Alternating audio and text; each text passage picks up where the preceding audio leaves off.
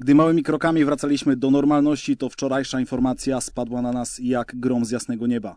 Koronawirus znowu zatrząsł ziemią w polskim żużlu i ekstraligowe mecze stanęły pod znakiem zapytania. W dzisiejszym podcaście porozmawiamy trochę o obecnej kryzysowej sytuacji, ale omówimy również to, co działo się w ostatni weekend, a działo się naprawdę sporo. Witajcie drodzy widzowie na kanale Piąte Okrążenie. Jak co tydzień z tej strony Karol Bierzyński oraz Damian Maniecki. A dziś pierwszy historyczny gość w naszym podcaście Konrad Marzec z żużlowego portalu Po Bandzie oraz SK Infotoruń. Cześć Konrad. Kłaniam się, witam. Dziękujemy Dziękujemy Ci bardzo za przyjęcie e, zaproszenia do naszego e, podcastu. No i na starcie chciałbym Was zapytać o tę informację z e, wtorkowego wieczoru. Czy nie uważacie, że obecne procedury w czarnym sporcie są już delikatnie mówiąc no nieaktualne, bo jesteśmy po wyborach prezydenckich. Widzieliśmy, co dzieje się chociażby na wiecach wyborczych. No i powiedzmy sobie szczerze, znaczna większość ludzi wróciła już do normalnego życia w pracy, w sklepach, w miejscach publicznych. Także jak tutaj, e, jak zapatrujecie się na te jeszcze aktualne obostrzenia w czarnym sporcie? Konrad, może zaczniesz. No ja właśnie tak dobrze już zacząłeś od tego porównania do świata polityki i codziennego. I no też nieprzypadkowo, gdzieś... jesteśmy świeżo po wyborach, dokładnie. Dokładnie, no i też e, gdzieś patrzymy na ten świat sportu w kontekście tego, co nas otacza i mi się też wydaje, że troszkę gdzieś to idzie w taki zwariowany y, kierunek. Jeden człowiek, prawdopodobnie, tego jeszcze nie wiemy oficjalnie, mm. kierownik parku maszyn w Rybniku, bo takie informacje. No tak, bo informacje są sprzeczne, tak? Tak, prawdopodobnie z dobrego źródła, że tak mhm. powiem, mamy to, że to jest chyba kierownik parku maszyn, no i czy tu ma to położyć nam rozgrywki, no mi się wydaje, że to jest jednak mimo wszystko trochę absurd, bo ryzyko zarażenia chyba jest nie aż tak duże. Tak, tym bardziej, że wszyscy żużlowcy przecież mają cały czas swoje życie codzienne, chodzą do sklepów i tam też mogą mieć e, kontakt z innym zarażonym i tego nawet nie wiemy, prawda? Jak Kacper Woryna, który też został e, gdzieś tam skierowany tak. na badania, bo się widział z kimś, ktoś mhm. zna kogoś. No, chyba tak... dokładnie na basenie go widziano i stwierdzono, no nie, tak nie, nie powinien iść na basen i testy mu zrobiono. Tak, tak, widzimy maski, widzimy jakiś tam dystans w parku maszyn, ale okazuje się, że jest to kompletnie nieskuteczne i teraz e, właśnie chciałbym e, płynnie przejść do tego e, tak naprawdę, kto może ponosić konsekwencje za te, za te procedury, no bo mimo wszystko to, co jest teraz ustalone, to według czego działamy w ogóle na ten moment w żużlu, zostało ustalone, no co, dwa miesiące temu, trochę więcej nawet. I teraz pozostaje właśnie pytanie, czy taka sytuacja, która, która miała miejsce we wtorkowy wieczór, to jest właśnie takie naprawdę grube przegięcie, to jest panika? Czegoś takiego w ogóle być nie powinno według Was? No chyba nie powinno być, już jednak e, poszliśmy z tą całą koronawirusową sytuacją do przodu. Ja rozmawiałem jeszcze właśnie mniej więcej dwa miesiące temu o tym z Ryszardem Czarneckim przy okazji mhm. konferencji One Sportu, gdy ogłaszano SEC, który teraz też zresztą stoi e, przy okazji no, zmian. No tak, zawody, zawody które się Jest po prostu odbyć, kryzys tak. i musieli sobie chłopaki e, przez jedną osobę poradzić z poważnymi zmianami. Wtedy pan Ryszard mi powiedział, że władze będą e, na bieżąco na to reagować. Ja mam, na, mam wrażenie, że jednak tej bieżącej reakcji nie ma. Jest znów taka sytuacja, że mamy jeden przypadek i nagle wszystko staje do góry nogami. Też jeszcze do wczoraj myśleliśmy, że może i nawet pierwsza liga z udziałem mm. chociażby ekipy z Torunia będzie musiała być przełożona. Podobno tak ma nie być, ale nadal mimo wszystko dyskusji jest sporo i mam wrażenie, że kibice również e, są gdzieś pogubieni, nie wiedzą czego mają się spodziewać? Czy planować sobie e, wyjazd na mecz, czy też gdzieś zostaną Zwłaszcza, bez że, że mamy 15, 15 lipca i nie wiem jak wy, ale ja miałem nadzieję, że naprawdę w połowie lipca no to już nie będzie 25% e, pojemności stadionów, Aha. tylko minimalnie 50%, a tu cały czas, e, cały czas jednak stoimy w miejscu. Znaczy w ogóle tutaj widać też taką sprzeczność, że właśnie zawodnicy z Rybnika czy z Leszna będą badani po weekendzie, a nagle Adrian Miedziński może być prędzej i jechać w niedzielę mecz. To dlaczego ci, ci z Ekstraligi nie mogą jechać w niedzielę, więc tutaj no, też nawet... To nie absurd. Tak, no, dokładnie. Więc... Niestety, tak, e, tak już jest i teraz e, właśnie pozostaje pytanie, bo jak dobrze wiemy, gdy jeszcze byliśmy w trakcie szczytu jakby tej pandemii, no to mm, tutaj Zbigniew Boniek był takim naszym jakby wizerunkowym bohaterem, bo to on, e, on martwił się właśnie o to dobro żużla i między innymi dzięki jego pomocy z Mateuszem Morawieckim udało się powiedzmy wywalczyć jakiekolwiek rozwiązanie, żeby ta liga w ogóle wystartowała. No i teraz pytanie pozostaje, czy według Was władze Ekstraligi, mając naprawdę świetną oglądalność telewizyjną, mają sport, który tak naprawdę na stadionach przyciąga na ten moment najwięcej Polaków, jeśli chodzi oczywiście o ligowe rozgrywki. Czy mając taką kartę przetargową powinniśmy właśnie już po, nie wiem, po dwóch, trzech kolejkach e, w dalszym ciągu walczyć o to, żeby, żeby tych kibiców wpuszczano więcej, żeby jednak te obostrzenia były poluzowane. No patrząc właśnie na to, co dzieje się w ogóle w naszej, e, w życiu normalnym i co działo się e, w, w życiu politycznym. No ja się podpisuję pod tym, że jednak trzeba, no bo skoro e, najważniejsze osoby w kraju kraju, bądź ubiegające się o największy urząd nie mają e, tutaj oporów e, przy zapraszaniu tak mnogiej liczby swoich e, tutaj y, wyborców, czy też y, nie wahają się spotykać nawet z przeciwnikami politycznymi, no to czemu y, ci kibice nie mogą w większej ilości pojawić się? Tym bardziej, i tutaj do mnie trafia argument taki, że to są jednak przestrzenie otwarte, gdzie to ryzyko zakażenia nie jest chyba aż tak duże. Ja miałem przyjemność być już na dwóch meczach Mister Garden GKM-u Grudziądz mhm. w tym sezonie w Ekstralidze. I tam Grudziądzu w... chyba dość pilnują tego, Bardzo, tak? ale bardzo. Słuchajcie, to w ogóle w momencie, kiedy mm, nie siedzisz w odpowiedniej odległości, gdy na przykład przykład do mnie podszedł jeden fotoreporter, żeby po prostu porozmawiać o tym, co zaszło. Momentalnie się pojawia steward i mówi, mhm. ale hola, hola, co panowie wyprawiają. No moim zdaniem to jest y, przegięcie i powinniśmy się starać jednak z tym powalczyć. Może na początek spróbować połowę y, stadionu, a potem ewentualnie wrócić do normalności. No tak, tylko że kto ma, kto ma o to walczyć? No chyba nie kibice. No, no bo jak... nie, kibice chyba nie mają stanąć e, teraz e, na ulicy Wiejskiej w Warszawie o to protestować, tylko mamy ludzi od tego, żeby, żeby właśnie to załatwić. Tak, mówisz, że Zbigniew Boniek walczył tutaj o piłkę nożą dla Ekstraklasy no i im te 25% starczyło, ale jak wiemy, Żużel jednak potrzebuje tutaj więcej kibiców, bardziej wypełnia stadiony niż piłka nożna, no i Zbigniew Boniek już nie musi iść za ciosem dla piłki nożnej, a kto ma iść dla Żużla, więc tutaj liczymy, że w końcu to się szybko zmieni. Wiecie co, nawet jakby została ta pojemność 25%, jeszcze, no oczywiście jest, jest to oczywiście smutne i chcemy kibiców więcej, ale właśnie, żeby chociaż była ta wygoda dla zawodników, nie, nie wiem, czy to się zgodzicie, żeby, żeby właśnie nie było takiej sytuacji, jaka jest e, teraz, że zawodnicy tak naprawdę nie wiedzą, czy ten mecz w weekend pojadą, e, co teraz w ogóle z rozrywkami przez e, najbliższy tydzień, dwa, no dla mnie to jest takie jednak e, dość absurdalne, no bo, bo jeśli oczywiście sprawdziliśmy wszystkich zawodników przed sezonem,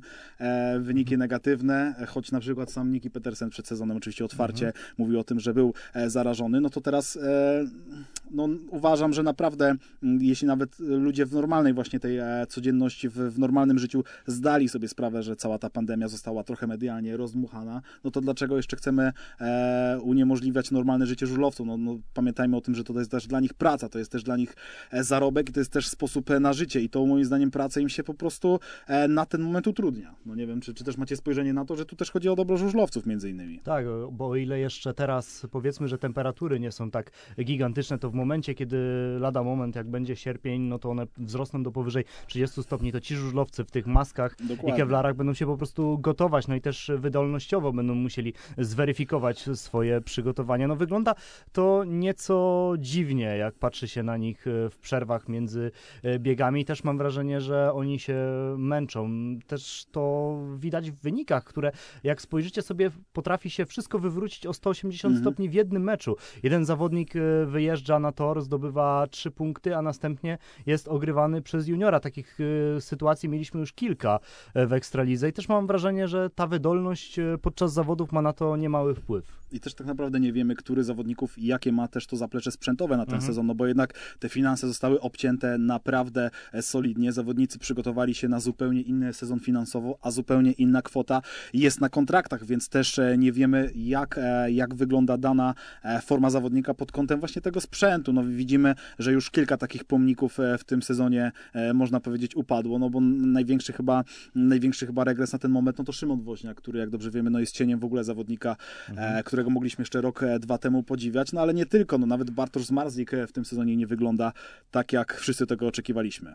Tak, no i też e, Krzysztof Buczkowski, główny odpowiedzialny Krzysztof za... Kasprzak, kolejny tak, Krzysztof. E, spor... i też... No, możemy szukać Max Flick, dalej Dan Belli, Max Flick, i tak, też tak. E, ja Czy mam wrażenie, że w ogóle dużo Polaków Aha. ma regres. Teraz jakbym miał sobie tak zebrać czołówkę światową, mhm. no na ten moment Madsen, Sajfutinow, a czy jakiegoś Polaka bym tam do trójki wrzucił, no Zmarzik coś tam znalazł, ale to nadal nie jest forma nie mistrzowska, jest to, więc troszkę nam się to pozmieniało i te czynniki zewnętrzne, nieobiektywne, można takie nazwać, mają na to ogromny wpływ. Ja też e, zastanawiałem się, z czego to wynika. Ty mówisz o sprzęcie i też mhm. e, myślałem szczerze, że to bardziej uderzy w zawodników niedoświadczonych, młodzieżowców, mhm. tych, co dopiero wchodzą do Ekstraligi, a tu się okazuje, że ci, e, którzy są już obyci z elitą, też mają spore problemy. Albo możemy powiedzieć, że to mogło uderzyć w zawodników zagranicznych, którym trochę mniej na sercu leży dobro polskiego klubu. No, traktują to w większości stricte jako tylko i wyłącznie zarobek, a tu jednak, a tu jednak głównie Polacy, także no sytuacja jest dość specyficzna. No już abstrahując trochę od, tych, od tej sytuacji wczorajszej, wiemy na pewno, że spotkanie Motoru Lublin właśnie z GKM, Grudzio, z GKM Grudziądz się odbędzie. Na ten moment chyba nie wiemy nic poza tym. No, pierwsza liga w dalszym ciągu stoi trochę pod znakiem zapytania. Czekamy na decyzję, czekamy na to, co do weekendu się, co do weekendu się wyjaśni. Także no nic, pozostaje nam chyba teraz czekać tylko i wyłącznie na, na decyzję Ekstraligi, no i tak trzymać kciuki. na wyniki testów, nie? Tak, Miedziaka, tak, trzymamy Tomasz kciuki. Bajerski będzie, Mhm. no i wtedy e, będziemy mogli coś więcej powiedzieć. A jeszcze tylko nawiążę do tego, co pytałeś o tą Mhm. panikę, bo ja Mhm. już widziałem takie wyliczenia, że tak naprawdę 71 zawodników po tej sytuacji w Rybniku mogłoby być potencjalnie zagrożonych. No to wtedy byśmy mieli zamrożony żużel totalnie, no bo to No, e, są zawodnicy, którzy jeździli w mistrzostwach pierwszej ligi, którzy Mhm. pojawili się na meczu Apatora na motoarenie ze startem Gniezno i Mhm. tak e, ta cała lawina ruszyła. Okazuje się, że chyba tak źle nie będzie, ale mimo wszystko no, gdzieś rozumiem tych kibiców, którzy, te, którzy teraz dopytują w mediach Mhm. społecznościowych, czy oni w zasadzie mają szukać biletów na mecze, czy co. Też pół żartem, pół serio, e, bardzo ciekawy argument to właśnie e, przepis o gościu w Ekstralidze, który miał No być tak. tym przepisem na e, walkę właśnie z COVID-19, a okazuje się, że jest to przepis, który może pogrążyć na tak, ten moment. stworzył nam ten Na łańcuszek ten tak moment, naprawdę na cały. ten Tak, moment chyba może pogrążyć terminarz. Rafał Darżynkiewicz pisał, Aha. że to jest pełen, pełen paradoks. No to jest, jak pokazuje, jak przewrotny jest ten żużel, tak, Tak naprawdę. Ta, ten przepis, już e, tydzień temu z Damianem rozmawialiśmy o tym, jak absurdalny jest ten przepis. E, i tu chyba się wszyscy zgadzają jednym e, chórem, czy kibice, czy dziennikarze, że no straszną gafę popełniła mimo wszystko Ekstraliga żużlowa. Nie da się teraz za bardzo tego odkręcić, no bo to, to takie trochę byłoby, byłoby dość teraz też niesprawiedliwe, gdybyśmy nagle tych gości, e, gości zabrali.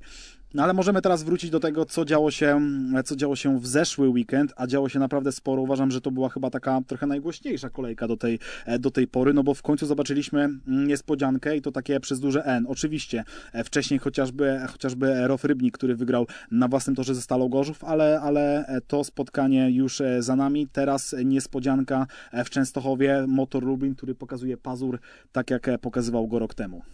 No tak, tutaj Grisha Łaguta się przypomniał kibicom z Częstochowy, którzy kiedyś Dość dotkliwie. E, którzy kiedyś, e, to ciekawa historia, po sezonie Zawodnik- zawodnik 2011 stulecia. wybrali Tak. go zawodnikiem wszechczasów, gdzie on Tak, tam tak. wygrał z wielkimi legendami. No i tak fajnie historia zatoczyła koło, że to właśnie Grisha teraz. Świet, świetnie tą historię właśnie Marek Cieślak właśnie w tej książce e, opisał, mówiąc, że no kto, nie Sławomir Drabik, nie Marek Cieślak, Nie nie, Joe, nie Joe. Screen nawet za ten Tak. atak, tylko Grisza Łaguta, który wtedy e, jeździł rok w Co Częstochowie. kibice nie zrobią, żeby nie podpisał nowego kontraktu. To była, to była wspaniała historia.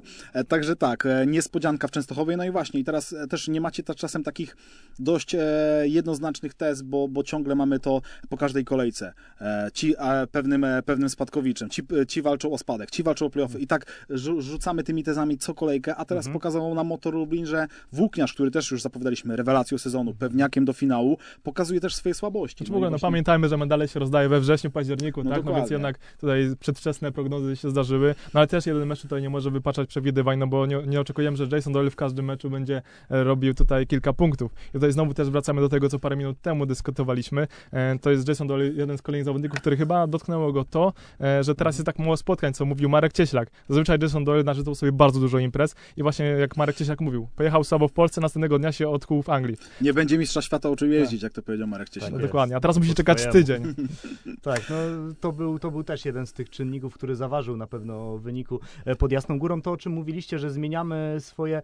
Aczkolwiek w przypadku motoru Lublin to moim zdaniem tak trochę nie jest, bo ja mimo tej ich wysokiej porażki na inaugurację z Wrocławiem Mhm. byłem przekonany, że ta drużyna będzie jechać, ponieważ oni mają jeszcze spore rezerwy. Jak zauważycie, nawet w tym meczu wygranym Wiktor Lampard i Wiktor Trofimow to nie, nie są ci czołowi nadal. Ja uważam, że to jest chyba para która, juniorska, która najbardziej zawodzi na ten moment. No, zgadzam się szczerze. z tobą i dlatego mi się do tego, wydaje, że jakie oczekiwania były wobec nich. że koziołki mogą jeszcze lepiej jechać w momencie, Jasne, że kiedy mogą. Lampard i Trofimow będą e, s, prezentowali formę sezonu 2019 już na tych, e, na tych zawodach młodzieżowych w Mhm. Grudziądzu pojechali lepiej, także tam są cały czas rezerwy, więc myślę, że motor śmiało może tutaj kandydować chyba- do walki o medale. Chyba dokładnie powiem, w tym sezonie w biegach juniorskich motor ma chyba piątą średnią na punkt, biegu na punkt, a rok temu to była druga za Unią Leszną, więc widzimy jaki jest spadek i tak jak mówicie, jest tutaj jeszcze duży potencjał. Tak, co- no, a gdzie, gdzie jak Schlauderbach zmieniał Smektałę, to myśleliśmy, że właśnie motor Dokładnie. skoczy być może na to pierwsze miejsce, a tu się Całkowicie, okazuje, że... całkowicie zupełnie inna sytuacja w Częstochowie, bo tutaj Tak. jednak e, mogliśmy, mogliśmy wiedzieć, że Jakub Miśkowiak będzie tym e, pewniakiem, ale nikt na Mateusza Świdnickiego nie stawiał i tutaj mieliśmy za to po drugiej stronie, choć oczywiście, jak dobrze wiemy, e, Jakub Miśkowiak e, no, no, dzwon na, na treningu i niestety nie zobaczyliśmy go w tym spotkaniu. Jestem ciekaw, jak to właśnie tam, jak klub zapewnia, że już, że już jest wszystko ok, że zobaczymy go w najbliższych meczach, ale, ale też na pewno nieciekawa sytuacja, no bo zawodnik młodzieżowy odczuwa taką kontuzję o wiele bardziej niż zawodnik doświadczony, jak chociażby Jason Doyle, gdzie dobrze pamiętamy. Zawodnik potrafi po, po takim naprawdę potężnym wypadku poskładać się dosłownie w, w 2-3 dni dla e, swojego dobra. i Albo dobra nawet nie klubu. poskładać się i jechać. No, tak też. Dokładnie, dokładnie. I Przed chodzić tym meczem z. Lublinem też Mhm. władze włókniarza uspokajały. Ale nic się nie stało, e, tak? że nic się nie No, stało, ale no. pamiętajcie, że w przypadku, jeżeli dany zawodnik e, musi zostać skierowany na badania, to tam wówczas również koronawirusowe rzeczy są gdzieś w tle, więc drużyny niechętnie będą informować o jakichś poważnych kontuzjach i potencjalnych Mhm. badaniach, właśnie mając z tyłu głowy ewentualne tam procedury. Także to zawsze trzeba brać pod uwagę. To się zgadza, no zimny prysznic dla włókniarza, ale jeszcze zostając przy tym meczu, chciałbym poruszyć, poza tym najgłośniejszym jeszcze tematem, do którego zaraz przyjdziemy, no to zadać wam właśnie pytanie, czy według was transfer e, Jarosława Hampela, mimo wszystko, mimo tego takiego lekkiego kwasu w drużynie, mimo tej, e, te, tej mm, sytuacji, Jamruk miesiąc, e, jak dobrze wiemy, no i, i e, Kuba Jamruk i Paweł Miesiąc zawodnicy, którzy w zeszłym e, sezonie, no może w przypadku bardziej miesiąca zaskakiwali nas pozytywnie, teraz, teraz tej pewnej jazdy nie mają i czy mimo wszystko właśnie Jakub Kępa dobrze zaryzykował, wziął to, co było do wzięcia, wziął Jarosława Hampela, który, który wyglądał wiele lepiej niż w zeszłym sezonie. Czy według Was to się opłaciło, mimo właśnie tego kwasu w drużynie? Ja uważam, że jak najbardziej, mimo całej sympatii do Jakuba Jamruga i Pawła Miesiąca, Jarosław Hampel to jest jednak e, zawodnik półka wyżej. Jeżeli Mhm. drużyna chce sportowy awans zaliczyć, to musi po prostu takie ryzyko podjąć. E, Wykorzystał tutaj prezes Kępa fakt, że Jarek Hampel niezbyt pewnie się w Lesznie czuł, że był jednym z wielu, a w zasadzie nawet w cieniu Hampela czy e, Sajfutinowa i też mam wrażenie, że obie strony mocno na Mhm. tym zyskały. Hampel wreszcie poczuł się jak za dawnych lat, kiedy był liderem drużyny teraz obok Łaguty i Mikkelsena, to też jest ten trzeci, choć pewnie Matej Żagar by miał na ten temat trochę inne zdanie. Mhm. No i taka obopólna korzyść. E, Myślę, że to też e, można spojrzeć na to pozytywnie w kwestii miesiąca i Amroga, bo oni muszą teraz e, pokazać wolę walki na treningu i walczyć o ten skład i też to nie powinno działać na ich niekorzyść. No tutaj różne są zawsze komentarze, czy walka jest dobra, czy zła, ale jak widzieliśmy też komentarz, Jakub Jamruk mówił, że zainwestował w swój sprzęt pieniądze, Mhm. jakich nigdy prędzej nie zainwestował. Dlaczego? Bo dlatego, że musiał walczyć o skład, więc tutaj chyba widzimy, że Motor może się cieszyć po cichu, że właśnie ma tę rywalizację, no bo właśnie to więcej wyzwala u Jamroga. No Jacek, Jacek Ziółkowski też mówił w rozmowie ze mną, że on preferuje jednak e, większy wybór niż mniejszy, więc Mhm. no, jeżeli menedżer tak uważa, no to będziemy dopiero oceniać po wynikach końcowych, jeżeli tu coś nie Naj, pójdzie. najwyżej właśnie motor będzie się cieszył e, na podium e, DMP, będzie się cieszył z medalu, ale niekoniecznie wszyscy zawodnicy z tego medalu będą zadowoleni, bo, bo finansowo w tym Excelu może się jednak nie zgadzać tak, jakby przewidywali chociażby przed sezonem. No i teraz to, co w tym spotkaniu było chyba najbardziej kontrowersyjne i najbardziej e, podzieliło kibiców, no i samego zawodnika, który się wypowiedział e, na ten temat, czyli oczywiście sytuacja z e, wykluczeniem Pawła Przedpełskiego z tym upadkiem. No właśnie jak to widzicie, bo ja oglądałem kilkukrotnie tą powtórkę i e, szczerze mówiąc naprawdę ciężko uwierzyć w to, że zawodnik robiąc ten celowy upadek wjechałby z takim impetem w bandę. Z drugiej strony też kibice słusznie zauważyli, że jednak ten zawodnik ten gaz puszczał w wejściu już w łuk. No nie wiem jak wy to widzicie, jak, czy to jesteśmy w ogóle w stanie z perspektywy fotela to w ogóle ocenić. No powiem Ci, Karol, że ja im oglądałem kolejną powtórkę, tym miałem coraz więcej wątpliwości. Mhm. Na początku wydawało mi się, że Paweł zrobił to celowo, żeby Że dać celowo. Mhm. swoje, swoje, Okej. s- kolejną szansę swoim kolegom, ale im dalej w las, tym bardziej miałem wątpliwości, bo to, co mówisz, e, jednak e, w tą bandę z dosyć dużym impetem wjechał i też idealnie pocelował w szprycę od Mhm. Leona Macyna. Nie jestem pewien, czy Paweł jest na tyle doświadczonym zawodnikiem, żeby tak dobrze w tą szprycę po prostu pocelować. Mhm. E, Z drugiej strony rzeczywiście wchodził łuk już z taką prędkością, że to Tak dość smród, pozos- tak. smród e, pozostanie, no bo e, wiadomo, para włókniarza... Jedzie na szarym końcu przede wszystkim, tak? Para włókniarza, przepraszam, tutaj już oczywiście bez Pawła, Leon Madsen wygrał powtórkę, dał Mhm. Tak, szansę, tak. no więc wiadomo, kibice Lu-. Lublina, co, by, co byśmy tutaj my nie powiedzieli, to i tak będą wiedzieć swoje, ale też e, ja bym troszkę lodu przyłożył, bo Mhm. e, w przypadku Pawła Przedpełskiego nigdy z nim nie były związane takie sytuacje. E, Znam go dosyć długo i nie wygląda mi na człowieka, który by w tak perfidny Który by sposób takich, takich e, nieciekawych zagrań się próbował. Je, rozumiem. jeżeli, jeżeli e, tutaj e, byłby to inny zawodnik, e, taki kontrowersyjny jak na przykład Nicky Pedersen, to bym e, taką dyskusję podejmował Anders pewnie Thompson przez... na przykład. A przykład Anders Thompson, no to dokładnie tak.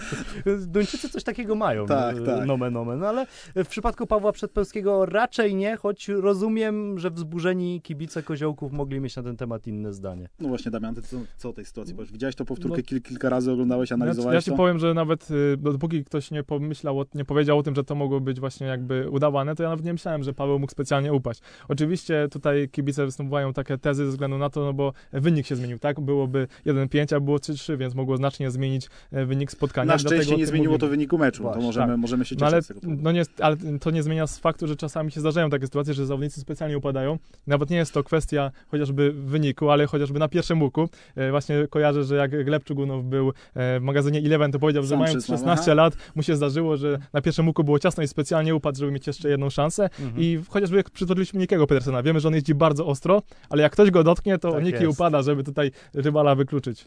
Także, także to sytuacja na pewno jest bardzo ciężka do oceniania właśnie z perspektywy kibica, ale ja mm, wam powiem, że ja na Twitterze właśnie poruszyłem taki e, temat, dość taką luźną tezę rzuciłem, żeby właśnie takie sytuacje nie były aż tak kontrowersyjne, no bo tak naprawdę musielibyśmy mieć w parku maszyn wariograf, żeby sprawdzić, czy ten Mhm. zawodnik miał takie intencje, czy nie. Nawet jeśli ten zawodnik zrobiłby, nie wiem, trzy fikołki, wywalił w ogóle motor poza bandę, to równie dobrze mógłby być to, e, oczywiście byłby to szaleniec, ale mógłby być to e, upadek celowy. I teraz pytanie, jak regulaminowo to rozwiązać? Ja rzuciłem taką tezę, żeby e, w przypadku biegu, gdy rywale prowadzą podwójnie i zawodnik, niezależnie czy jedzie na trzeciej czy czwartej pozycji, ale upadnie bez jakiegokolwiek kontaktu, czyli e, wykręci bączka, nie wiem, puści gaz, upadnie sam, e, taki wynik e, biegu bym po prostu zaliczał. Nie wiem, co o tym sądzicie, czy jest to zbyt takie dość jednak kontrowersyjne rozwiązanie, czy może na przykład byście szli, nie wiem, w tą stronę, żeby czerwona kartka za coś takiego wykluczała również z następnego meczu. No bo taka sytuacja zazwyczaj ma miejsce pod koniec meczu. Mhm. Pamiętamy chociażby, pamiętamy właśnie chociażby sytuację z zeszłego roku z Andersem Thompsonem w spotkaniu Gorzów-Toruń, że tak naprawdę ta czerwona kartka no nic nie zmienia, no bo to jest końcówka, końcówka meczu. Jemu ta czerwona kartka w żaden sposób nie zaszkodzi. I teraz jak zrobić, żeby ten sędzia miał łatwiejszą tą decyzję, no bo nie będzie, wiecie, nie będzie, nie wiem, pytał kurczę zawodnika, zrobiłeś to celowo, czy nie zrobiłeś. No od tego nie jest sędzia.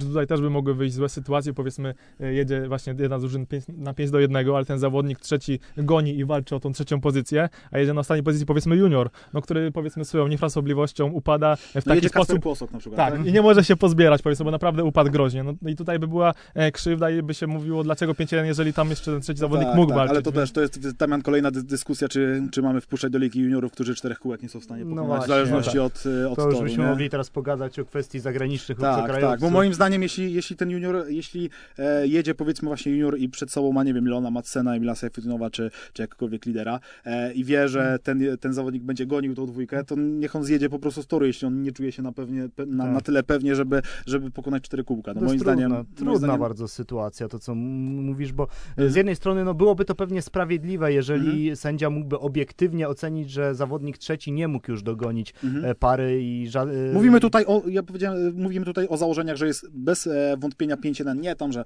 on wyprzedza, czy coś tam jest. Mhm, ale jak ma powiedzmy 20 metrów tak, straty, jest tak? 5-1, e, niezaprzeczalnie jest 5-1, a e, zawodnik upada bez jakiegokolwiek kontaktu, więc też nie ma Wiesz, ja znam że... środowisko żużlowe i zaraz by się tutaj podniósł rwetes, że a nie, on miał 15 metrów straty, dlaczego też, w tym też. biegu jest tak, już szybkość znajdował. No, to tak, dokładnie. Już- już to była ta ścieżka, To, to są no. bardzo trudne. Tak samo jak kiedyś e, była taka dyskusja, czy pozwolić na powtarzanie w czterech, nawet jeżeli jest wypadek e, Mhm. poza pierwszym łukiem. Ja który- jestem w ogóle za tym. Nie który- uważacie, że to, był- to byłaby moim zdaniem zmiana na plus, dlatego że naprawdę w zeszłym sezonie i w ostatnich w ogóle latach mam wrażenie, że e, liczba wypadków, gdzie dwójka zawodników na drugim, na trzecim Mhm. okrążeniu naprawdę nie ponosi winy. No bo jeśli jedzie zawodnik po szerokiej, powiedzmy, na, na Mhm. prostej przeciwległej i ten zawodnik, który jedzie przed nim, kompletnie go nie widzi, no nie, nie, nie ma obowiązku, Mhm. nie wiem, nasłuchiwania, on nie ma obowiązku patrzenia w lusterka, e, których, jak dobrze wiemy, nie ma.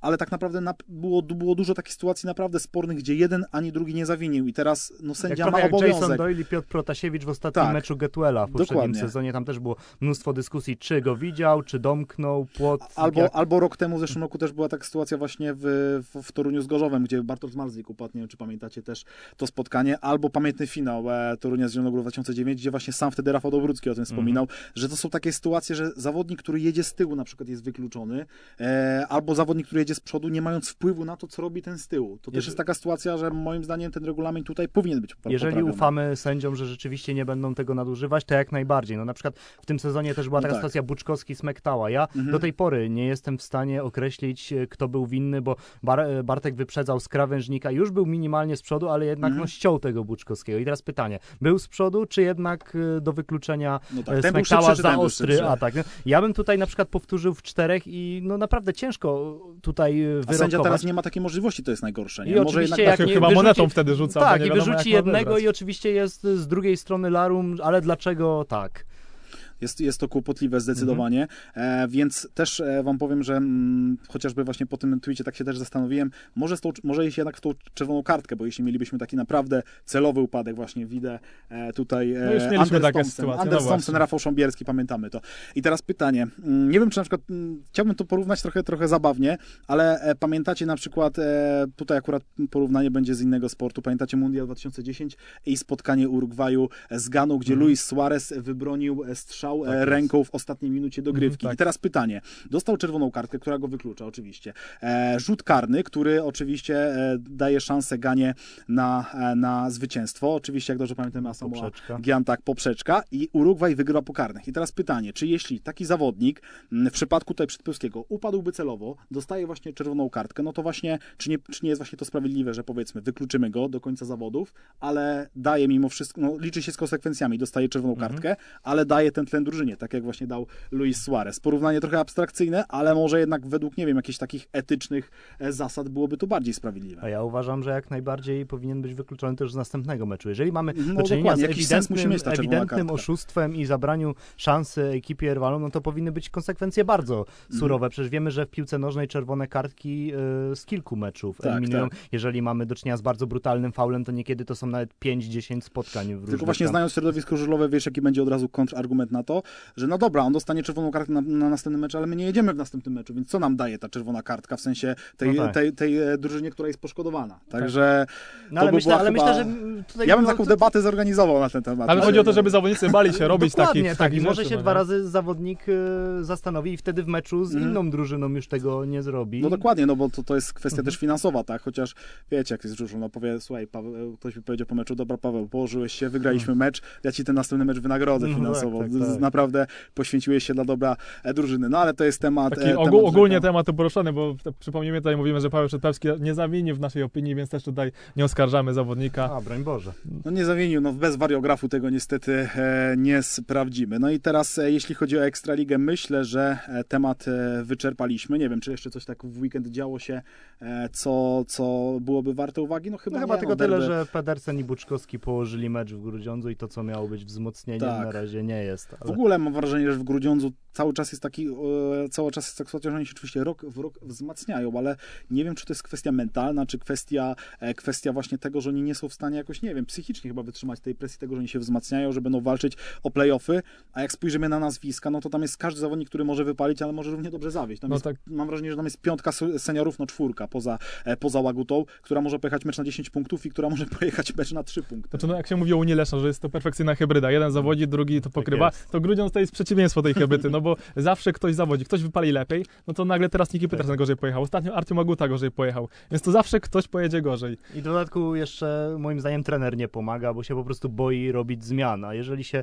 trener, menedżer boi robić zmian, no to moim zdaniem źle wykonuje swoją pracę, bo no, też jest tak, że menedżer nie może zbytnio pomóc zawodnikowi odzyskać formy. Może mu coś tam doradzić w kwestiach treningowych, ale jego zadanie to jest przede wszystkim dobrze reagować taktycznie w trakcie meczu. Trener Robert Kępik Kępiński ostatnio tego nie robi, czeka ze zmianami nie wiadomo na co, no i w końcu... Podobno na Roberta Kościeka też, nie wiem, czy czytaliście, narzekają tak. coś, że Że jednak... za dużo w telewizji występuje. Że tak, że za dużo, że tak, że, że mimo wszystko, No, tam mimo, też jest regres. mimo że tak, że Robert Kościecha, który jak dobrze wiemy, no był chwalony rok temu jeszcze e, za, za mimo wszystko chociażby rozwój Marcina Turowskiego, teraz, e, teraz e, troszeczkę to wszystko stanęło w miejscu. Były jeszcze oczywiście derby ziemi lubuskiej, no spotkanie, które kilka lat temu jeszcze elektryzowałoby kibiców pewnie całej Polski, a teraz zobaczyliśmy chyba naprawdę najnudniejsze derby ostatnich lat, chociaż wynik lepszy niż jazda, jeśli chodzi o Stal Gorzów, zdecydowanie. Dojechali na ostatnie biegi, szczególnie tutaj Jack Holder, a więc No kolejny gość, y, który też już teraz jest dyskusja, czy on aby nie miał kontaktu z zarażonym i tak dalej, i tak dalej.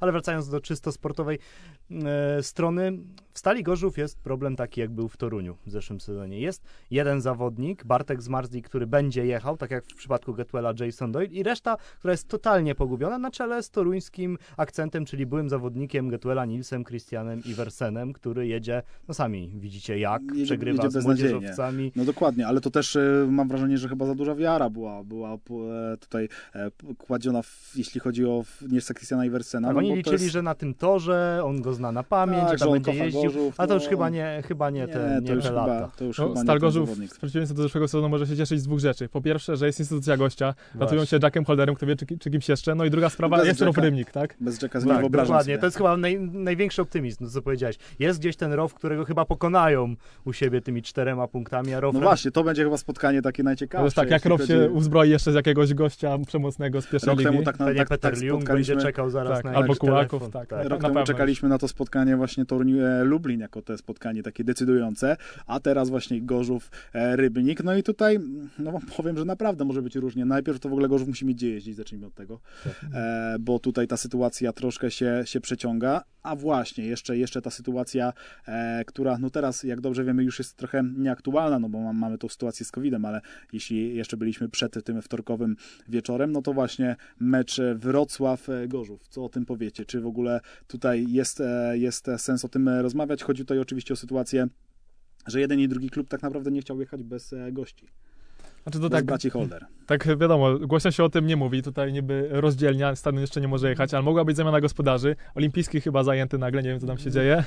Tak już była, była mowa, że nawet jak nie będzie zajęty, to będzie zajęty z Tak. jakiegoś No, powodu. dokładnie. No wiecie, no to trochę pokazuje absurdy, które niestety za gośćmi się ciągną. No, dla mnie sama w ogóle ta instytucja nie była do końca przemyślana, bo ja uważam, że owszem, można było wprowadzić gościa, ale z taką klauzulą, że gość wchodzi w momencie, kiedy zawodnik, który miał kontrakt przed tą całą pandemią, nie podpisuje go z jakiegoś powodu. I wtedy zamiast takiego delikwenta można Automatycznie w momencie, gościa, gdy a nie cała- w momencie, kiedy robisz dodatkowe okienko Tak, automatycznie w momencie, gdy wszyscy zawodnicy, a wszyscy podpisali aneksy, nie, No to tam były oczywiście, automatycznie wykreślamy, e, wykreślamy Al- Albo będzie pozytywny wynik na Tak. COVID i wtedy też. Tak, A to też już się śmialiśmy, że wiesz, e, jakby była taka sytuacja, to strzykawki z Tak, tak by się znalazły, zna- na pewno we Wrocławiu by się znalazły, nie wiemy jak, nie wiemy gdzie indziej. E, moi drodzy, 15 minut nam zostało do końca, tak, takie orientacyjne, więc myślę, że temat Ekstraligi możemy powoli zamknąć i przejść do tego, co działo się na zapleczu Ekstraligi. E, historyczny pierwszy od wielu, wielu lat e, mecz Apatora Torunie właśnie w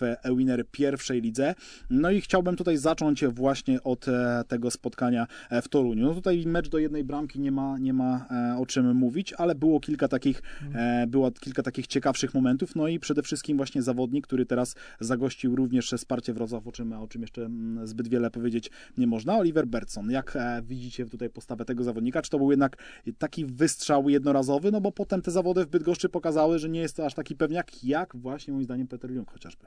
No, ja uważam, że ma szansę kilka punktów przywieźć, ale na Ekstraligę to jeszcze pewniak nie jest. Mhm. On już w poprzednim sezonie miewał przebłyski i pokazywał, że może być bardzo solidnym zawodnikiem, ale Ja chyba słyszałem, ja słyszałem, że on ma podobny potencjał do Roberta, do Roberta Lamberta. Takie, tak, takie porównanie. to chyba troszkę daleko Na idąca wyrost teza, trochę. bo Robert już y, miał przynajmniej kilka przypadków, gdzie Mhm. udowadniał. No, ten sezon powiedzmy jest takim już konkretnym wystrzałem, ale już wcześniej i w cyklu Grand Prix i y, nawet na poziomie pierwszoligowym, y, zanim motor awansował pokazywał znakomitą jazdę. Oliver Bertson na razie jest kandydatem na kogoś e, takiego. Dokładnie, dokładnie. Jest to też e, pewnie zabezpieczenie dla Sparty Wrocław. Oni mają przecież z tyłu głowy ciągle tego Drabika, który im może po ósmej kolejce teraz na Ja myślę, że to jest też taki delikatny test Mhm. na przyszłość, no bo Sparta, jak dobrze wiemy, ma projekt, e, projekt budowania składu oparty na młodych talentach i może to jest, moim zdaniem, to są już takie podchody bardziej pod przyszły sezon. Nie chce mi się, wyda nie, nie wydaje mi się, żeby on był większym pewniakiem na ten moment niż Chris Holder o tych No, no ale też właśnie chyba ubezpieczenie, właśnie gdyby była sytuacja, że tego samego dnia jedzie Apator, kiedy Mhm. e, jedzie Wrocław, no to wtedy Oliwier dostanie telefon.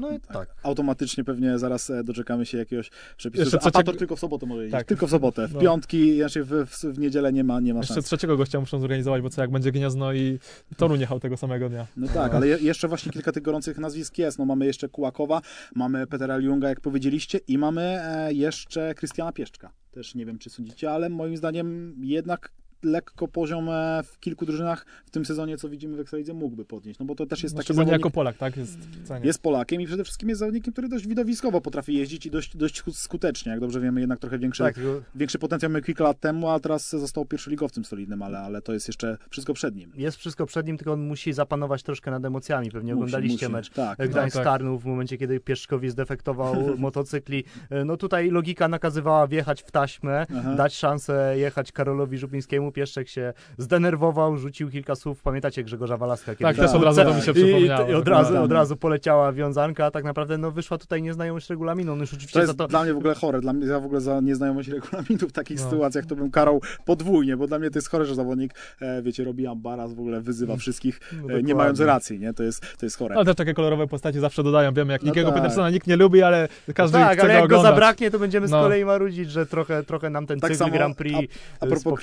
Krystiana No. Pieszczka, właśnie nie wiem, czy pamiętacie, to były bodajże zawody indywidualnych mistrzostw Polski juniorów, chyba tak, e, tam sytuacja między Pieszczkiem a Piotrem Pawlickim była taka, że, e, że właśnie była taka dość kontrowersyjna sytuacja, no i w tych e, wywiadach pomeczowych siedzieli wszyscy na konferencji prasowej. I Krystian Pieszczek mówi, no słuchajcie, to jest żurze, to nie są szachy, e, tutaj trzeba jechać tak, jak, żeby, wygrać, po czym Piotr Pawlicki właśnie powiedział, że no, no to w takim razie trzeba połamać kości kolegom, żeby, żeby wygrać, no No to trafił swój na swego trochę tak, tak, to była, to była dość e, sympatyczna sytuacja. I teraz, jeśli jesteśmy już przy tych e, błędach e, sędziowskich, no to tutaj sytuacja z Tobiaszem Musielakiem, coś e, o czym musimy powiedzieć. E, oglądaliśmy, też byłeś na tym meczu, tak, z, z Gniezdem? Y, oglądałem w telewizji Oglądałeś wyjątkowo, telewizji. bo wyobraź sobie, że wybierałem salę weselną Aha, Płocku. widzisz, e, no to gratulujemy. E, my oglądaliśmy to spotkanie akurat z trybuny głównej, no i była taka, taka sytuacja dość, dość nietypowa. Ja nie pamiętam, kiedy ostatni raz działo się takiego, że czekaliśmy 10 minut na decyzję, gdzie jednoznacznie było widać, że ten zawodnik zahaczył kaskiem o taśmę. Tyle. w- I tylko tyle, i tylko tyle. To jest, to jest po prostu rzecz, która już się zdarzała kilkadziesiąt razy w żużlu, Tak. tak. bo może kilkanaście razy. No i my czekaliśmy 5 minut, 6 minut, 7, 8, 10 minut na to, żeby e, sędzia w końcu, koniec końców nie powtórzył e, tego biegu, zaliczył oczywiście wynik e, i ukarał jeszcze Tobiasza Musielaka e, ostrzeżeniem. Tak. To już w ogóle moim zdaniem e, był totalnie, totalnie absurd. No i teraz jeszcze przed tym, e, co chcę powiedzieć, przed wypowiedzią Leszka Dębskiego, co w ogóle właśnie wy, wy powiedzielibyście o tej sytuacji? Dla mnie absurdem jest to, że w ogóle musieliście 10 minut czekać na decyzję, tak. bo dla mnie ten, ten wyścig powinien być powtórzony po pierwszym łuku. Po pierwszym łuku, No dokładnie. Przecież e, cała Polska i cały świat żużlowy, który obserwował ten mecz, widział, że coś jest nie tak, bo Musielak po prostu został nie tak sam z siebie, bo to nie było widać, że to nie jest żaden defekt. To naturalnie poruszał się po tym torze, tylko Mhm. coś było nie tak. A jak już się widzi powtórki, no to się puka w czoło po prostu, bo sędzia Artur Kuśmierz to nie jest w ogóle żaden Mhm. jakiś nowicjusz, tylko jeden z eksportowych arbitrów i to, że on się przyznaje do błędu i jeszcze dodatkowo karze zawodnika, to, to Tak, co Krzysztof ogóle- Cegielski powiedział w transmisji, że w biały dzień coś takiego, to W ogóle nikt, skandal. nikt nie miałby do niego pretensji, gdyby nawet czekał 10, nawet jakby poczekał 15 minut i by Mhm. powtórzył ten bieg, to nikt by do niego nie miał pretensji, No, że on czekał. No tak, no przyznał się do E, błędu, tak, no i spoko, czekał no, 10-15 zapominamy, minut, e, popełnił błąd, ok, ale chce go naprawić i powtarza bieg. To Tak. nikt by nie miał do niego pretensji, ale że czekał 10 minut i popełnił jeszcze takiego babola, No chyba, chyba To głupio jest- mu było powtórzyć ten bieg, mówi, kurczę, tutaj przyznać się do tej winy, czy nie, i tak siedział, No tym, powtórzyć. Biednemu Ja myślę, że- startowi Gniezno. ja myślę, tak że tam, ja myślę, że tam jakieś telefony Całe szczęście, poszły, że no. tutaj wynik y, Właśnie, nie był na to styku. jest creme de la creme Tak, tego wszystkiego, tak. że tutaj Ja była myślę- dawno wygrana Apatora, bo... Myślę, że właśnie poszły tam jakieś telefony, żeby, żeby podjąć jakąś wspólną decyzję. Nie wiem, może, może właśnie Leszek Dębski ma tutaj wpływ. No i słuchajcie, ja właśnie czekałem na tą wypowiedź Leszka Dębskiego w takim tym mini jakby magazynie e, Winner pierwszej ligi w, w, na kanale N-Sport, no bo tam były głównie skróty spotkań, nie było jakichś takich e, większych wypowiedzi, ale oczywiście wypowiedź Leszka Dębskiego była. E, słuchajcie, tak politycznej wypowiedzi naprawdę z jego strony to, chociaż oglądam magazyny żużlowe rzadko, e, to, to też dawno nie słyszałem. Nie użył w ogóle robił wszystko, żeby ominąć dwa stwierdzenia. Po pierwsze, błędna decyzja. Nie, nie, nie, był, nie było w stanie przejść mu to przez gardło. Błędna decyzja. A po drugie, właśnie wina sędziego. Nie ma w ogóle, to była, to była w ogóle wina nikogo. E, naj, najlepsze było to, że właśnie powiedział, że ta sytuacja nie jest zapisana w regulaminie. No kurczę, no a jak taśma idzie nierówno, no to to jest... Mm.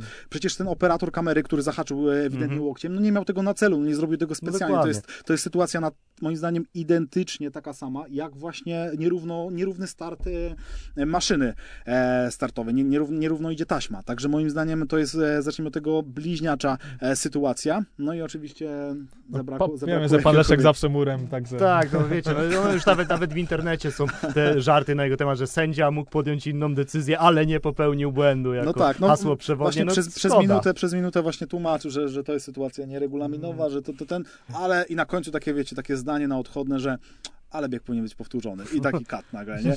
Także, także no mówię, zero w ogóle o winie sędziego, zero o konsekwencjach, w ogóle tak zamiatamy e, pod dywan. Jesteśmy jeszcze przy pierwszej lidze, to chciałbym poruszyć e, temat właśnie tydzień temu rozmawialiśmy, Damian, pamiętasz, o omówieniu tak w ogóle jest. pierwszej ligi. Mówiliśmy mało o juniorach, ale mówiliśmy o jednym nazwisku nadzwyczajnie sporo. Jakie to było nazwisko? Oczywiście, Mateusz Czerniak, no i nie bez powodu udowodnił też, że się nie myliliśmy. Skotur tak? straszny moim zdaniem, nie wiem, czy Konrad jarasz się tak samo jak my, ale, ale naprawdę to, co robi, to, co robi pan Cierniak, to, to szapoba. No to poprzedni sezon był takim trochę wyhamowaniem, bo on się pojawił na zawodach młodzieżowych jeszcze w roku 2018 i już od razu go okrzyknięto wielkim tak. talentem. Ten poprzedni sezon był taki trochę przejściowy, trochę on nie, bez, był taką wielką, nie był taką wielką gwiazdą, ale teraz te pierwsze tygodnie pokazują, że wreszcie chyba doczekamy się talentu na miarę w wkrótce uczestnictwa w międzynarodowych imprezach. Tego mu szczerze życzę. No i też e, to, że gościem nie może być junior w Ekstralidze, tylko to powoduje, że jego telefon już tam się nie grzeje do czerwoności, ogóle, bo to zaraz jeśli, by prezes Mrozek ktoś... dzwonił, nagrywał się na pocztę głosową. Jeśli ktoś uważa, że w tym roku e, okienko transferowe, jeśli chodzi na przykład o taki występ Cierniaka, zacznie się w sierpniu, to to, no, to okienko zanim się już zaczęło sierpniu, no dawno. To już się już rok temu się dawno. Zaczęło. Już wiemy rok temu, jak Wrocław mocno się starał o Czerniaka, dając mu miejsce jako rezerwowy Grand Prix chociażby. No właśnie, tak młody Cierniak wygrał mecz, kapitalny występ w Gdańsku, no i w ogóle niespodzianka, jeśli chodzi o cały zespół, bo, bo tak jak e, sobie też dywagowaliśmy przed tym spotkaniem, no to e, to Wybrzeże nie było aż takim pewniakiem do, do, do wysokiej wygranej, ale jednak mimo wszystko mhm. jeszcze w trakcie meczu, nie? Nawet jak przegrywali, to Damian tak twierdziłeś jest. uporczywie, że, że oni to wygrają. No i pewnie e... się wydawało, że odwrócili losy meczu, tak, że tylko tak, to przyklepią, moment, nie? Dokładnie. Swoją drogą to był chyba najciekawszy mecz w tym sezonie ze wszystkich lig, no bo zmieniała tak zmieniało się prowadzenie i naprawdę Emile pierwsza liga weszła z butem, można powiedzieć, w sezon. Chciałbym takie właśnie pytanie, e, trochę, trochę abstrakcyjne, trochę takie luźne wam zadać, że jeśli mielibyście postawić e, pieniądze na to, w jakim klubie według was zobaczymy Mateusza Cierniaka w przyszłym sezonie, to jaki klub byście wybrali? Ja myślę, że we Wrocławiu, we Wrocławiu? że nie, nie zrezygnuje. Prezes Rusko e, w tym sezonie Pokazuje, raczej... że, że lubi kapustę wydawać. Tak, on e, raczej, raczej nie wychowuje, raczej tam sobie już gotowy produkt ściągnie. Przede wszystkim jest strasznie zdeterminowany. Zobaczcie, że nikt nie pokazuje tak wielkiej determinacji na osiągnięcie dobrego wyniku w tym sezonie. Na pokonanie Unii Leszno to on już jest po prostu nastawiony od kilku lat, bo dostaje bęcki regularny od byków mm w finale. Teraz e, ta sprawa z Chrisem Holderem, wcześniej ożenienie Gleba Czugunowa, no o którym tak. pewnie jeszcze po, powiemy. No więc y, myślę, że to będzie taki produkt, którego sobie prezes Rusko nie odmówi. No tak, no i pokazuje właśnie to, że pieniądze nie są, nie są dla niego zbyt wielkim problemem, bo jak dobrze wiemy, właśnie na pewno kwestia obywatelstwa Gleba i na pewno e, załatwienie właśnie Chrisa Holdera, na pewno takie e, tego typu manewry, no to nie są, nie są rzeczy, no które No i pamiętajmy, Maksym Drabik tutaj odwlekanie, Dokładnie. nieskończoność to nie są rzeczy, To nie są tanie rzeczy, no, cy, cytując klasyka, także, także moim zdaniem Sparta nie będzie miała w ogóle skrupułów, zwłaszcza, że podobno klub finansowo stoi nieźle, takie głosy były przed sezonem, tak. że klub stoi finansowo nieźle, więc e, no Cierniak rozbije bank, Pamiętamy e, historyczny, najdroższy transfer w historii Ekstraligi, oczywiście Tomasz Bajerski do Pergo Gorzów, chyba tak się tak. wtedy ten klub e, nazywał. Teraz oczywiście listy transferowej nie ma, teraz nie ma tych pieniędzy za transfer, ale, ale Cierniak naprawdę może rozbić bank. E, jak dobrze pamiętamy, mm, dwa lata temu Jakub Miśkowiak ten bank rozbił, podpisując e, naprawdę wysoki kontrakt z włókniarzem, jeśli chodzi o kwotę za podpis, no ale w Cierniak chyba musi to przebić. Mi się wydaje, że potencjał w ogóle nieporównywalny. Biorąc pod uwagę, że jest jeszcze mniejszy rynek juniorów niż wtedy był Dokładnie. w przypadku Miśkowiaka, bo tak naprawdę no, tych juniorów, których możesz w tym momencie pozyskać, którzy ci gwarantują punkty, jest niewielu. Teraz wyskoczył jeszcze młody Dul w Łodzi, ale to mm. są mhm. dopiero początki. Jest Karol Żupiński w Gdańsku, no ale tak y, też to szkolenie No Żupiński nas... też chyba Ekstraliga w przyszłym roku pewna. Mi się Tak, wydaje, tak się wydaje, że... bo też no, bardzo fajnie pojechał w Gdańsku, pokonując seniorów z drużyny przeciwnej. Mi się wydaje, widać, że, że potencjał. jak najbardziej nazwiskiem będzie też takim, który, e, który w przyszłym roku w Ekstralidze może się pojawić. No i teraz, e, jeśli chodzi o, o to właśnie, jesteśmy przy Sparcie Wrocław, to tak na zakończenie, e, pół żartem, pół serio, musimy poruszyć temat właśnie Gleba Czugunowa, chociaż powiedziano chyba już o tym wszystko i sam Rosjanin ma do tego naprawdę spory dystans, to jednak e, ten występ w magazynie trochę niefortunny moim zdaniem, w magazynie Eleven oczywiście. Trochę za bardzo go uważam za ten język pociągnęli i, i widać było to zmieszanie na twarzy. No troszkę tak, w ogóle mam wrażenie, że e, Gleb Czugunow tak na temat e, małżeństwa i Mhm. wszystkich wydarzeń z tym związanych w ogóle już trochę traci kontrolę, bo nie wiem, czy widzieliście, jak na Twitterze Twitter, się starł śledzimy, z jednym e, Tak, użytkownikiem, gdzie Już napisał... pojechał, tak. Tak, napisał, czy- że je z żoną tego Tak, właśnie, tak, jego tak, tak. mościa. No, mam wrażenie, że już chyba sam zawodnik też powoli traci na tą kontrolą, choć e, też z drugiej strony ma spory dystans do siebie. Nie wiem, czy widzieliście. Ma spory dystans i ja w ogóle szanuję bardzo e, samą postawę Michała Korościela, że taki dość drażliwy temat poruszył na wizji, no bo to też nie jest, Tak, e, ale wiecie, wiemy, jak Michał Korosiel też jest śmieszkiem i widział, że Tak. Czugunow ma dystans do siebie i myślał, Tak. że będzie śmiesznie, ale właśnie jednak gdzieś tak chyba krok za daleko, no bo wiem, że to jest też tutaj kwestia prawna jakby, no przecież nie można dla obywatelstwa brać tutaj Mhm. No małżeństwa. tak, ale pamiętamy, pamiętamy to, że wydaje mi się, że na przykład jeśli chodzi o ekipę Eleven, e, mają takie dość dobre relacje z zawodnikami i myślałem, że będzie to na takiej zasadzie, że przed programem go zapytają, słuchaj Gleb, ruszamy to czy nie ruszamy? Nie, nie chcesz gadać o tym. A to było takie trochę e, jak, jak, jak e, Ale- cios bokserski trochę takie. No nie? trochę tak, ale mam wrażenie, że właśnie Koro i jeszcze Marcin Kuźbicki z Eleven to są tacy ludzie, którzy się nie przejmują. A nuż, że- a Nie, no to będzie c- na nich. taką postawę cenimy, no bo ja, my z perspektywy oczywiście e, obserwatorów chcemy, chcemy jak, żeby ta, ta najbardziej, dyskusja tak. zdradzała jak najwięcej. Właśnie, a żeby... nie tak trochę jak pan Leszek, y, dyplomatycznie No no tak, tak. i w końcu wychodzimy z oglądania takiego magazynu, że się nic nie dowiedzieliśmy Bo ciekawego. Nic, nie, jeśli mamy oglądać e, magazyn, mamy poświęcić czas, godzinę i po tej godzinie mamy taką samą wiedzę, jak mieliśmy No godzinę temu, to chyba nie ma e, czasu tracić. Także jednoznacznie, jeśli chodzi o, o Gleba, fajnie, fajnie, że ma na pewno ten dystans. Ja trochę nabrałem sympatii, wam powiem, niego po tym programie. Uważałem właśnie go za zawodnika, który właśnie przez tą sytuację może czuć e, się trochę, mm, no może nie poszkodowany, ale, ale wiemy, jakie właśnie są, e, są nastroje u kibiców. Wiemy dobrze, że tu będzie jadka, e, jeśli chodzi o tą sytuację. Ale z drugiej strony, czy to jest do końca jego wina? Oczywiście, no to on wziął ten ślub i to on e, przyjął to obywatelstwo, ale mi się wydaje, że, że za dużo do powiedzenia nie miał tutaj Gleb. Nie, tutaj były siły wyższe. Andrzej Rusko też y, wiemy, że przy tym Ryszard Czarnecki Mhm. coś działał, także no Sparta, Wielki sympatek powiedzmy, Sparty, powiedzmy, mocno. powiedzmy, że sympatycy Sparty i sam klub był po prostu mocno zdeterminowany, a Gleb w tą machinę e, postanowił do tego pociągu wsiąść i jechać. E, Też podobał mi się jeden jego wpis e, o tym, że on już sprawia, że polscy juniorzy nie mają miejsca, chociaż Tak, jeżdżą tak, w innych tak. To klubach. To było akurat celne, to było Tak. akurat celne, to mi się podobało, bo takie wypowiedzi, wiecie, takie, że on też raz, raz się wypowiedział e, też na Twitterze, że tam żadnych juniorów e, zagranicznych Tak. w Ekstralidze, Tak. to tak mi się nie podobało, ale to, to z tym, że, że przez niego tracą, tracą krajowi juniorzy skład w innych e, klubach, to było akurat niezwykle celne. Co, Ale, co w ale- ogóle Gleb Czugunow w sumie rodzi inny temat, ale to chyba na kolejną godzinę właśnie, czy zagraniczni juniorzy powinni jeździć, czy tylko polscy, no ale tutaj to byśmy No tak, ale takich siedzieć postaci- dyskutować. Ale takie postacie jest. barwne mi się podobają. Znaczy w sensie, w sensie jeśli chodzi o Gleba, brakuje trochę takich, bo trochę, trochę jest to, jest to, ja bym chciał właśnie widzieć takich zawodników w magazynach żużlowych, bo e, nie wiem, czy, czy uważacie, że ten schemat jest naprawdę taki przetarty, że ciągle e, widzimy takich sam, sam, samych zawodników, gdzie, gdzie tak naprawdę te odpowiedzi są naprawdę do bólu poprawne i do bólu Tak, takie tak, same. tak. Nie każdy zawodnik nadaje się do występów telewizyjnych. Też sobie Często zawodnicy szczerze. mają pretensje, że w parku maszyn zadaje się im trudne pytania, że potem się nagłówki jakieś Mhm. takie krzykliwe pisze, ale też e, trzeba sobie jasno powiedzieć, zawodnicy w większości nie ułatwiają dziennikarzom życia. Mhm. Ja już e, z 5 lat jestem e, w parku maszyn i e, na palcach jednej ręki można po, policzyć ludzi, którzy mówią coś ciekawego, a reszta Mhm. to, no fajnie mi się jechało, mam No dobry dokładnie. sprzęt, dziękuję mojemu tunerowi. Ale czasami z takiej to- rozmowy nic... Czasami też jest kwestia pytań, no bo jeśli zawodnik dostaje pytania, słuchaj, zrobiłeś 13 punktów, jak ocenisz swój występ? No tak, no to, to, jest, to, jest, to jest też prawda, ale jeżeli mu zadasz 5 punktów, jak ocenisz? No, zadasz mu, zadasz mu trudniejsze Tak. pytanie, to się potrafi Trzeba od ciebie się- odejść. Czasami i- wina jest po, po jednej i drugiej stronie. Zgadza tak się. Powiedzmy szczerze.